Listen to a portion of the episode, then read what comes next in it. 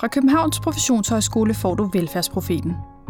Her præsenterer vi dig for ny viden og idéer til, hvordan velfærdsstaten giver værdi for borgerne. I Velfærdsprofeten vil vi afdække aktuelle og fremtidige udfordringer i den danske velfærdsstat. Det sker i samtaler med forskere, velfærdsprofessionelle brugere og borgere. Bag mikrofonen finder du Maja Huk og Lotte Andersen. Siden folkeskolereformen i 2013 er skole- og fritidsområdet rykket tættere på hinanden.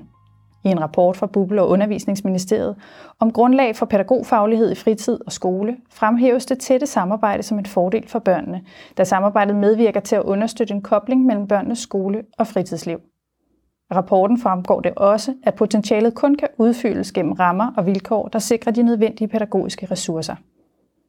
Det er temaet for den her podcast, som handler om, hvordan man skaber de organisatoriske rammer for kvalitet i de kommunale fritidstilbud til skolebørn, så de kan udvikle de kompetencer, de skal bruge senere i voksenlivet.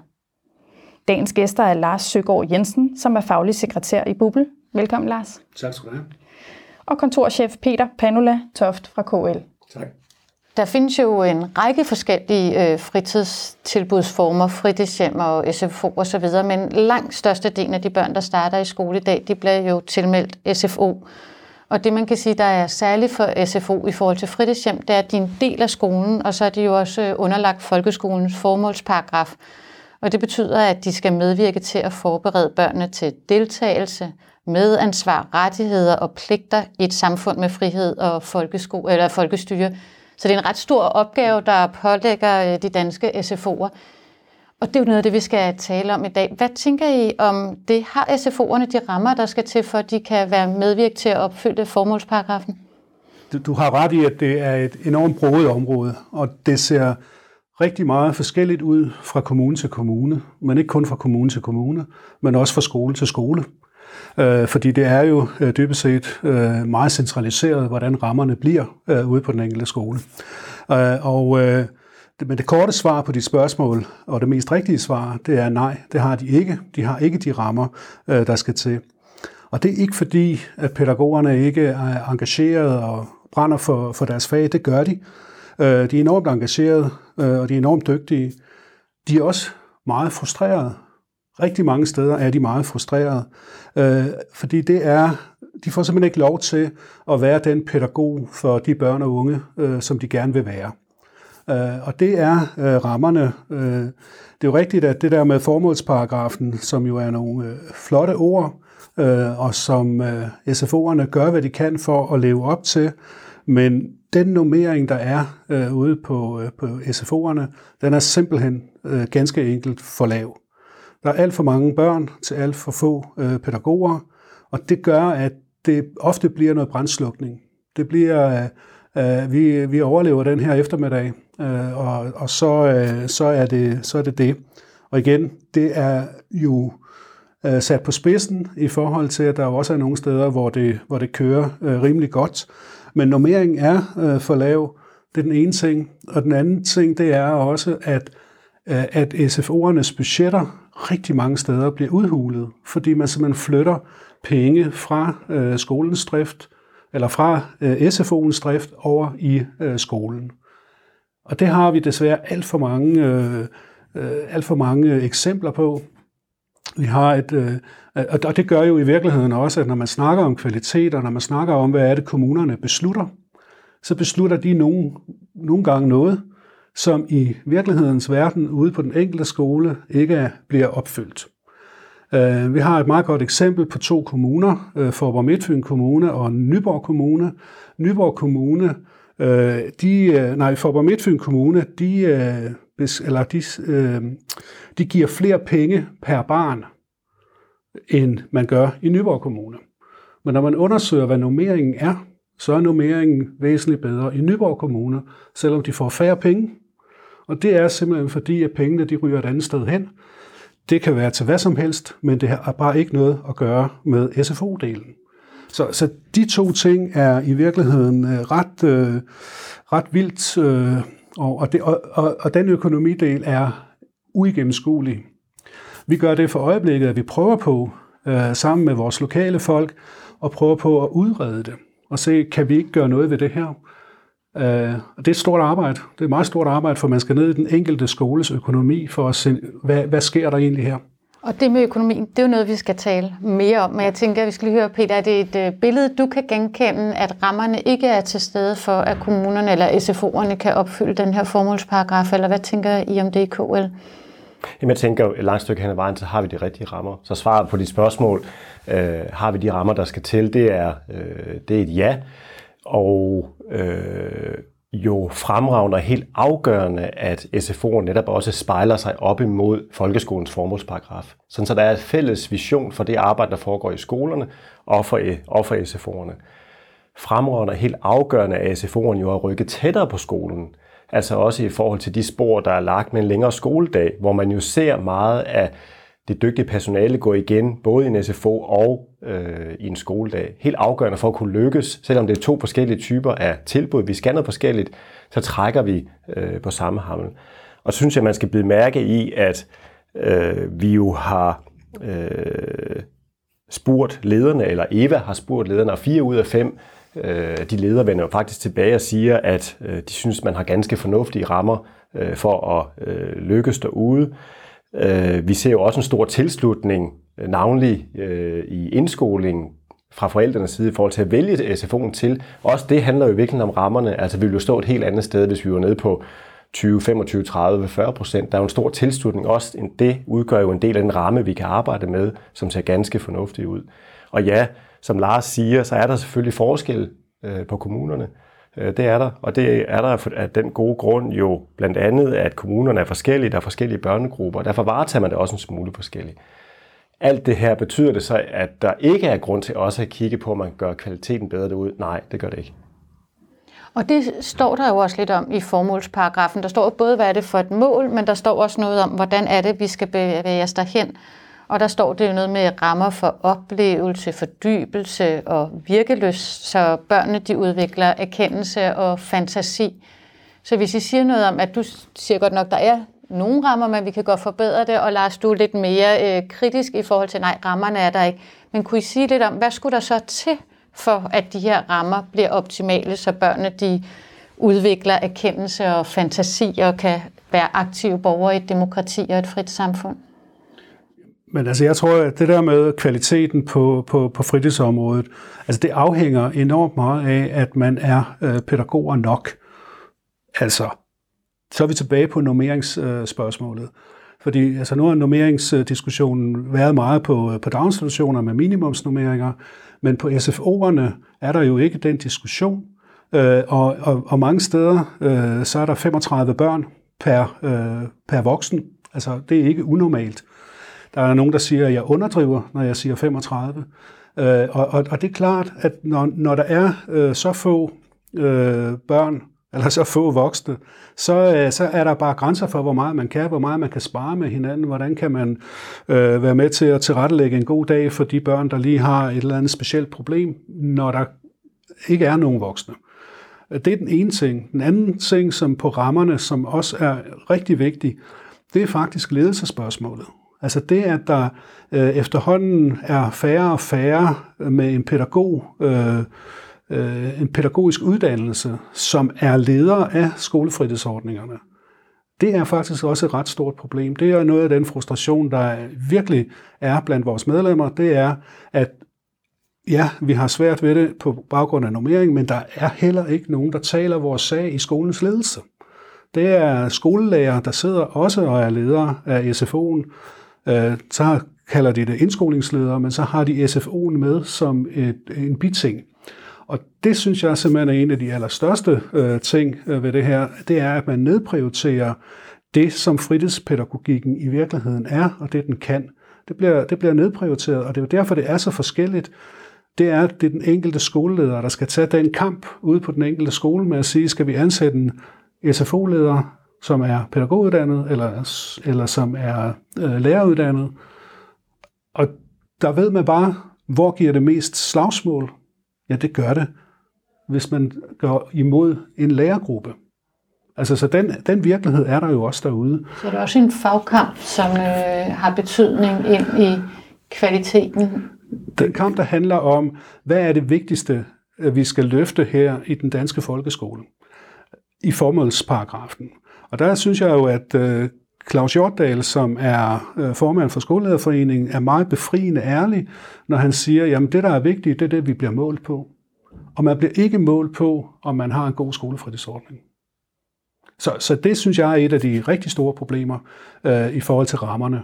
Det er, øh, og det, det er jo en tænkning, fordi det er jo rigtigt, som Peter også siger, jamen tænkningen i øh, øh, folkeskoleloven er jo sådan set fornuftig. Det med at bruge øh, pædagogernes kræfter, øh, det med at bruge begge, øh, øh, begge fagligheder, altså lærernes faglighed og pædagogernes faglighed, til at få mest øh, muligt ud af det for børnene, det, det er godt tænkt. Altså, den er vi med på. Og det er heller ikke, fordi vi ikke er med på, at man godt kan flytte nogle ressourcer. Det vi bare ser, det er en ensrettet motorvej, hvor pengene de kun går et sted fra, og det er fra SFO'en. Samtidig med, at forældrene jo betaler ja, 80 procent, nogle gange 100 procent af driftsomkostningerne på en, på en SFO. Og det er der, hvor, hvor, hvor tingene bare bliver ulige, og hvor pædagogikken, fritidspædagogikken, fritidspædagogernes mulighed for at lave et godt stykke arbejde bliver minimeret. Så to svar fra dig er i hvert fald normeringer og faglig ledelse. Ja. Hvad tænker du om det, Peter?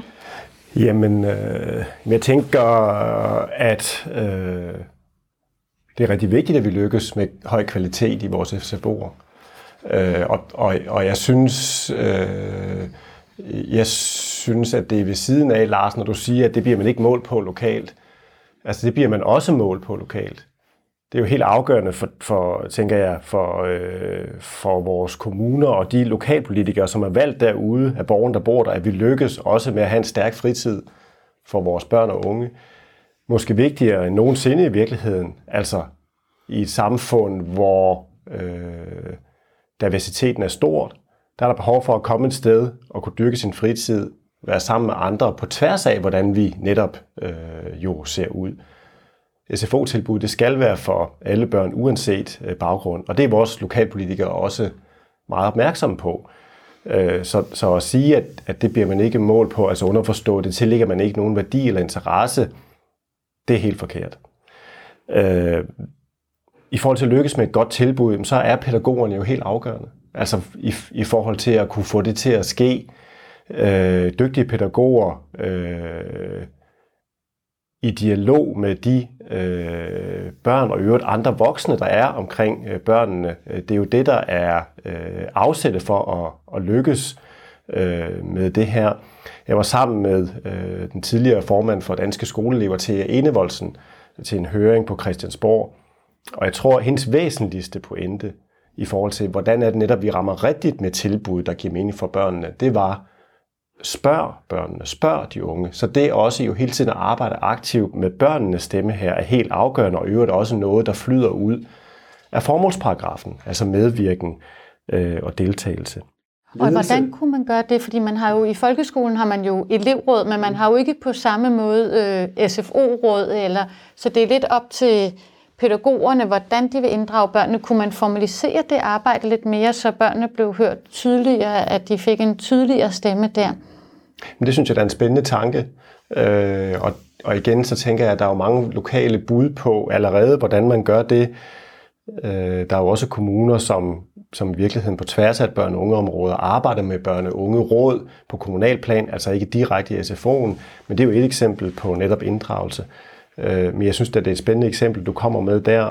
Kan man arbejde videre med det, at der allerede er erfaringer med at gøre det? Og jeg er enig, og også enig med Thea Enevoldsen, at det gør man ikke systematisk nok. Det gælder jo også i skolesammenhænge, hvor der jo er en elevrådskonstruktion. Men er man dygtig nok til rent faktisk at tappe ind på det, de mener, sådan, så det får betydning ind i undervisningen på skoleområdet, men også i et fritidsområde?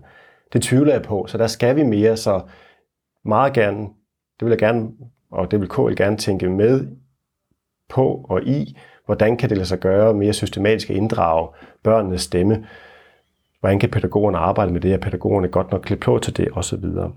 Og Lars, så nævnte du øh, ledelse,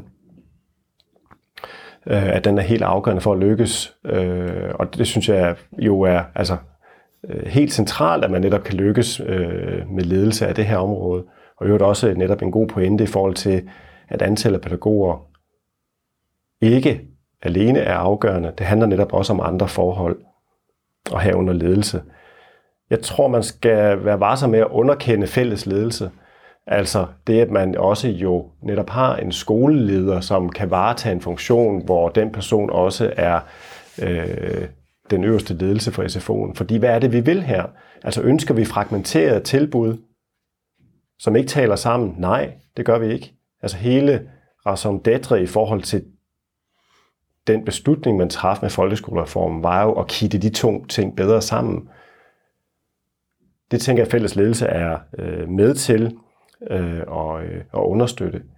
Kan man kommunalt beslutte sig andre former for ledelse? Ja, det kan man bestemt, men man skal ikke underkende her betydning af netop at være underlagt en fælles ledelse. Og det er ikke ens betydende med en nedprioritering af området, men en understregning af, hvordan, hvor vigtigt det er at se det i sammenhæng. Men i forbindelse med folkeskolereformen, der, som I også har været inde på, så rykkede SFO'erne og skolerne tættere sammen, altså skoledagen og SFO-tiden, og pædagogerne er både i skole og i SFO-delen. Og noget af det, vi har hørt flere steder, blandt andet i vores anden øh, podcast om kvalitet i fritidsområdet, det er, at det, der så var nyt, det var, hvad for en rolle skal pædagogerne spille ind i skoledagen. Så den kompetenceudvikling, der er sket til fritidspædagogerne, har rigtig meget handlet om deres rolle, og hvordan kunne de skabe kvalitet ind i skoletilbuddet. Og dermed har man måske øh, uforvarende kommet til at sylte den kvalitet, eller den pædagogik, som skal skabe kvalitet i fritidsområdet. Er det noget, I kan genkende? Jamen, jeg kan godt genkende billedet, øh, og, og der tror jeg også, altså, det, vi skal jo ikke, vi skal jo ikke, hvad skal man sige, øh, vi skal jo ikke udvande her øh, nogle af tilbudene øh, og sige, nu er det bare det samme. Jo enormt vigtigt netop SFO'en og det tilbud, man arbejder med der, og som de dygtige pædagoger er involveret i, er et andet form for tilbud. Altså et tilbud, som også øh, ikke handler om øh, og dygtiggøre dig i dansk og matematik. Et tilbud, som jo i højere grad er øh, præstationsfrit. Et tilbud, som, øh, som tager højde for der, hvor børn og unge er i dag, og hvor de også har brug for frirum fra at jo øh, skulle lære og skulle udvikle øh, og skulle have en progression. Det er jo ikke det samme som, at man ikke netop også er optaget af deres læring og udvikling, men jo på anden vis og via andre redskaber via andre indsigter. Igen tilbage til T. Enevoldsen. Hendes tydelige budskab var jo også, at I skal ville noget med os i et SFO-tilbud. Der skal være en retning på det, som I ønsker at arbejde med. Og i det ligger der i virkeligheden en stærk ambition, og jo også om, hvad skal man sige, at SFO'en skal præstere. Men det er jo ikke det samme som netop jo at arbejde eller stå på en præstationskultur i forhold til de unge, men præstere i forhold til at skabe et andet rum. Så det er enormt vigtigt jo at vi her taler om to forskellige tilbud, som kan noget forskelligt, men som jo bliver beriget af at være så tæt knyttet til hinanden. Da vi interviewede til sidste podcast, der talte øh, den fritidspædagog, vi interviewede om det her med, at hun var både skole-iben og fritids-iben. Og hun vidste faktisk godt, øh, at hun havde forskellige roller i den ene og den anden sammenhæng, og børnene vidste også godt, at det var forskellige roller, hun havde. Øh, men Lars, er det ikke en styrke at have den samme leder, både for skole-iben og fritids-iben? Jo, men altså, når, når jeg snakker om problemet i forhold til faglig ledelse, så er det ikke for at sige, at øh, SFO-lederen skal være skoleleder.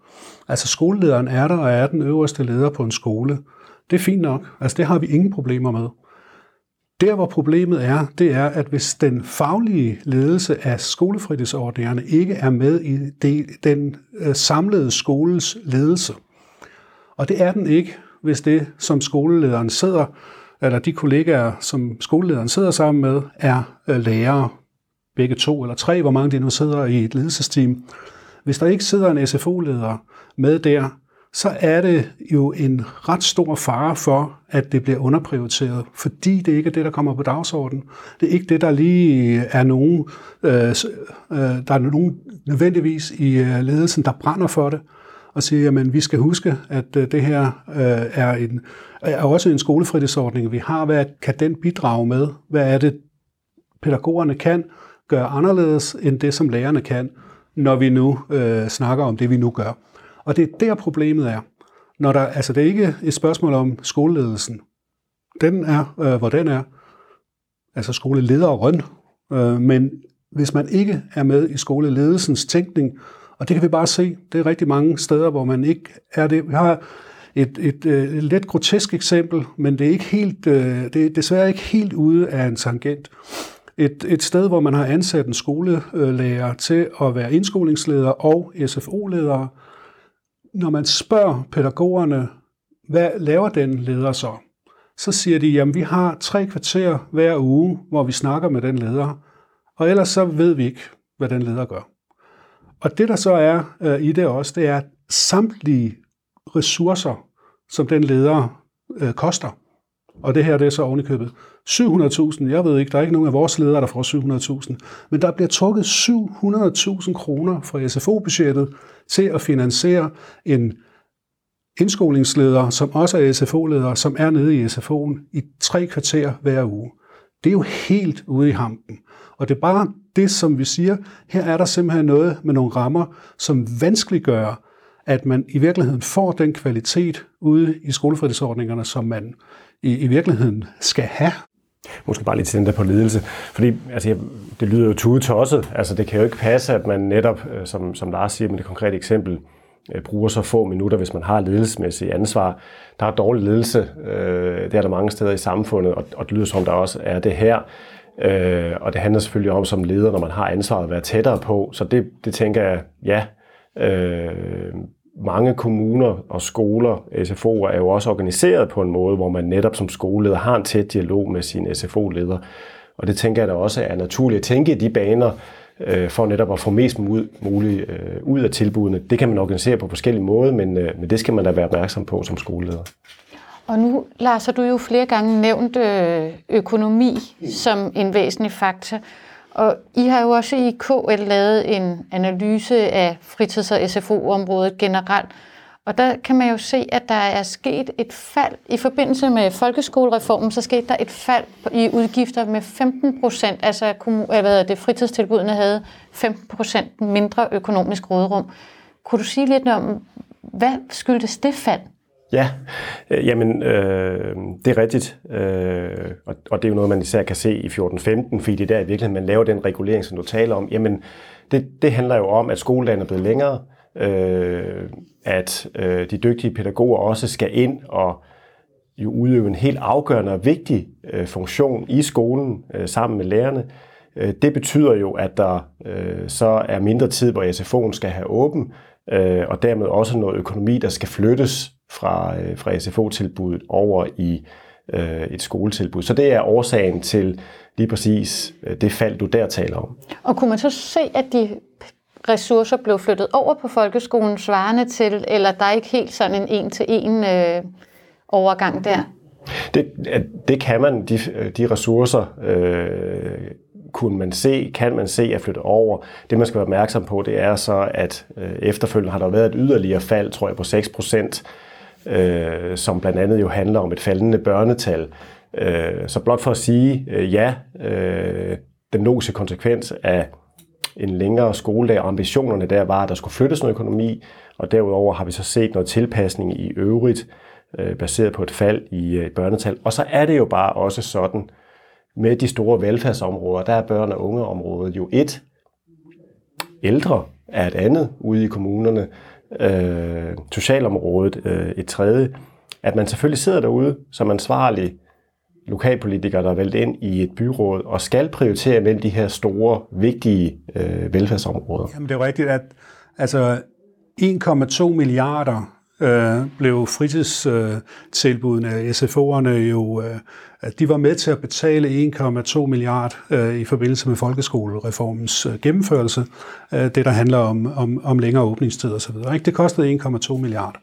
Men udover de 1,2 milliarder, så er der jo forsvundet 800 Og det er jo 1,2 milliarder, som vi har fået noget for. Det vil bare lige sige, ja, ja. altså, ja, altså har vi jo, her har vi jo fået en stærkere folkeskole, hvor pædagogerne spiller en afgørende rolle. Ja. Det er bare, at de ikke er forsvundet i et tomt hul. Her har vi jo været ambitiøse på børnenes vegne. Udover det, 1,2 milliarder, så er der forsvundet 800 millioner kroner i det, som er kommunale nedskæringer. Og det er jo, øh, der har du jo ret, det er jo fordi, man sidder ude og skal vægte øh, i forhold til at sige, hvad er vigtigst her, ikke? Og der bare sige, at det, der er vigtigst, det er det, der er mest lovgivning på. sådan tænker politikerne jo. Altså er det her en skalopgave, eller er det en kanopgave? Og eftersom fritidstilbudene ikke er så vigtige, der er heller ikke nogen beskyttelse i forhold til forældrebetaling, der kan man i virkeligheden bare sige, okay, så skærer vi her, og så skærer vi her. Og det har man gjort øh, siden 2013 med 800 millioner kroner. Og det er klart, det kan mærkes. Selvfølgelig kan det mærkes. Men Peter, selvom vi synes, at øh, midlerne kan være gået til noget rigtig god kvalitet også i skolen, er der så ikke en meget konkret bottom line, kan man sige, i forhold til sådan noget som normering, som er meget, øh, hvor mange børn er der per pædagog, som er vigtig? Øh, jamen, det betyder, jamen, selvfølgelig betyder det noget, at der er gode, dygtige pædagoger øh, til stede. Øh, og så er det jo igen en lokal beslutning, netop hvordan man prioriterer, øh, hvordan er lige præcis vores børnegruppe ser ud, øh, hvor mange børn er det, der kommer på hvilket tidspunkt, etc. Øh, så antallet har en eller anden betydning, men igen er det jo en lokal prioritering i forhold til, hvordan ser det ud her hos os. Øh, og i forhold til, til, til det, du sagde, Lars, om, om, om budgetterne der, øh, altså jeg tænker bare, at det, man skal være opmærksom på også, øh, det er jo eksempelvis også en situation, hvor man har et barn, som i den grad har behov for noget ekstra støtte og noget nærhed, øh, og som kan betyde, at en ledelse jo i dialog med øh, dygtige pædagoger siger, øh, hov, vi bliver simpelthen nødt til at trække nogle kræfter, nogle flere kræfter ind på skoleområdet for at lykkes med det her barn. Altså, det er bare et eksempel på, tænker jeg, for, for lige at trænge ned i nogle af de nuancer, altså hvad er det, der ligger, der ligger bagved øh, nogle af de her øh, lokale beslutninger. Og igen, så, så kan jeg ikke genkende det billede, du tegner, Lars, af, at man har en ligegyldighed i forhold til, om man lykkes med et SF2, SFO-tilbud øh, lokalt. Og, og, og, og det er jo rigtigt, som, øh, som du siger, Peter, i forhold til at sige, at øh, der er nogle steder, hvor ting fungerer øh, rigtig godt. Øh, vi har så også observeret, at der, hvor tingene de fungerer bedre, det er der, hvor at der faktisk er en kommune, uanset om det er nu det politiske eller administrative niveau, som går ind og kærer sig om det her område. Hvor man ikke bare lægger det hele ud til den enkelte skoleleder. Og, og det, det, det, det synes jeg er ærgerligt, øh, at øh, man ikke i KL øh, ligesom vil øh, stå på mål for at sige, at der er noget, som vi ikke skal lægge derud. Fordi altså jeg synes, det er, er uomtvisteligt, at området bliver nedprioriteret. Det er bare ikke øh, samfundsmæssigt lige så vigtigt, det der foregår i børns fritid, som det der foregår i skoletiden. Jeg er med på det, du siger. Det er også det, som KL øh, siger og skriver ned. Men hvis beslutningen om det bliver lagt ud på den enkelte skole, uden at man i virkeligheden fra forvaltninger eller politisk øh, hånd ude øh, kommunalt siger, jamen det er sådan her, vi gerne vil have det. Øh, og det er jo derfor, at tingene kan skride. Det er derfor, vi kan finde de eksempler.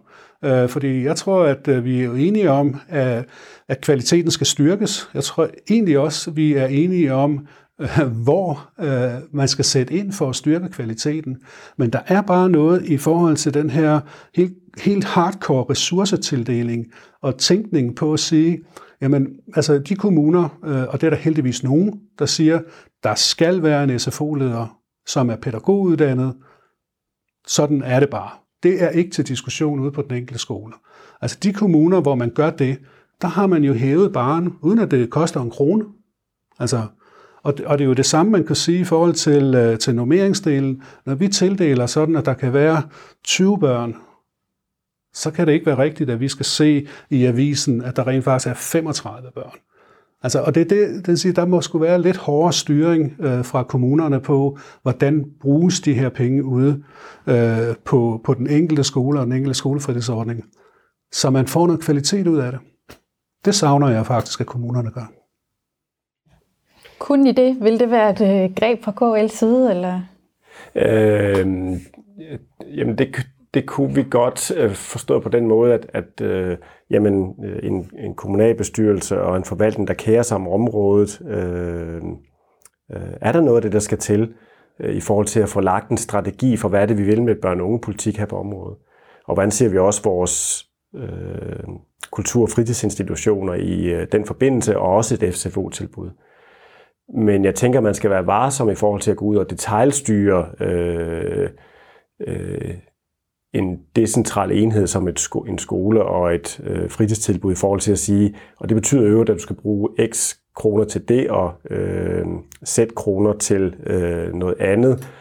Øh, der er jo et eller andet i den måde, vi i øvrigt tænker Danmark på, og som hele det kommunale selvstyre er rundet af, øh, at tæt på borgeren, tæt på børnene. Øh, det er der, man også har indsigten i forhold til at kunne tilrettelægge tilbuddet, i forhold til, hvad for nogle børn vi lige præcis har her på vores skoler, i vores SFO.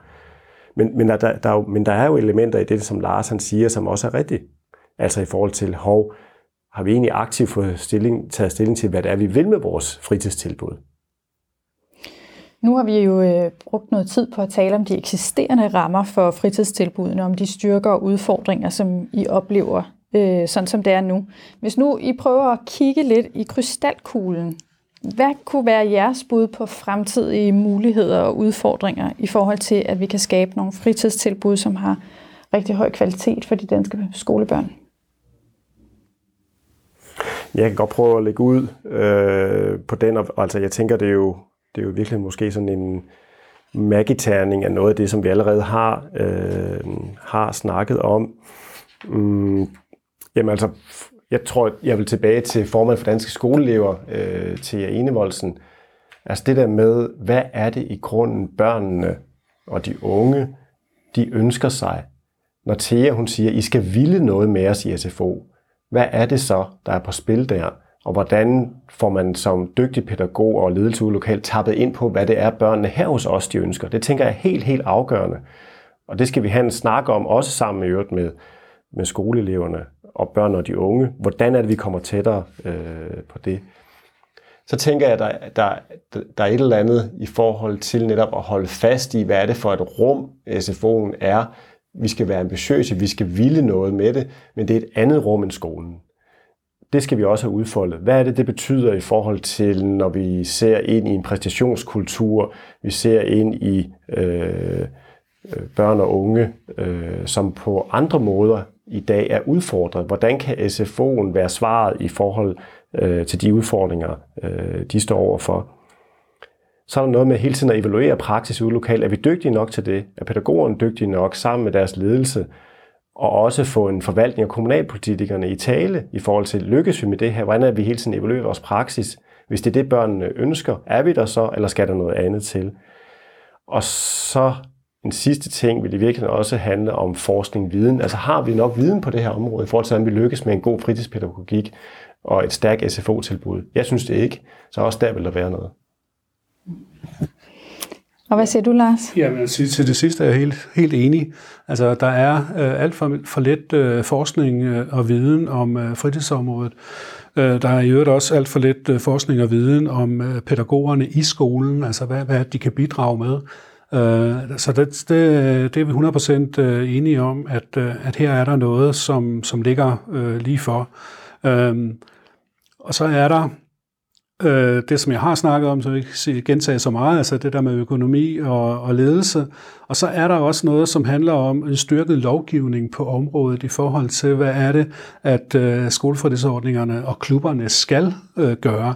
Jeg så gerne, at der var, var noget styrk, øh, styrket lovgivning, som handlede om det opsøgende arbejde. handlede om, at, øh, at øh, pædagogerne var mere øh, ude i verden i hvert fald sige uh, tusind tak, fordi I delte jeres uh, tanker om uh, det her med de rammerne for kvalitet på fritidsområdet med os. Ja, tak fordi I kom. Selv tak, det var Selv tak. Ja. ja, spændende debat. Hvad blev du optaget af, Lotte?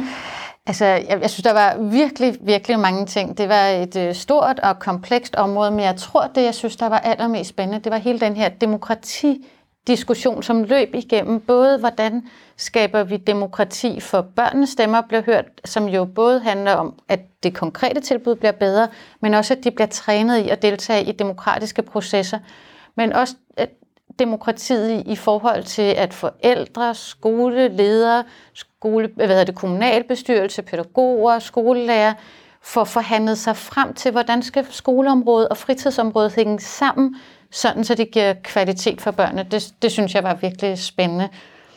Ja, så jeg fik helt lyst til at øh, sende den her podcastudsendelse til vores egen skolebestyrelse bagefter. Hvad blev du optaget af, Maja? Jamen, øh, jeg blev optaget af det her med, hvordan får vi den gode pædagogfaglighed ind, uanset hvordan vi gør det. Det talte de jo faktisk begge to om. Øh, det synes jeg var super spændende. Og så kunne jeg også lige mærke, at vi var lige inde øh, nogle gange og lige berøre spørgsmål omkring forældrebetaling, og hvad betyder det? Geografiske, sociokulturelle forskelle, det er noget, vi slet ikke har dækket i dag. Det håber jeg, vi kan vende tilbage til, for det var meget spændende også. Det var det, så stay tuned. Husk at abonnere på Velfærdsprofeten. Du finder os, hvor du normalt finder dine podcasts.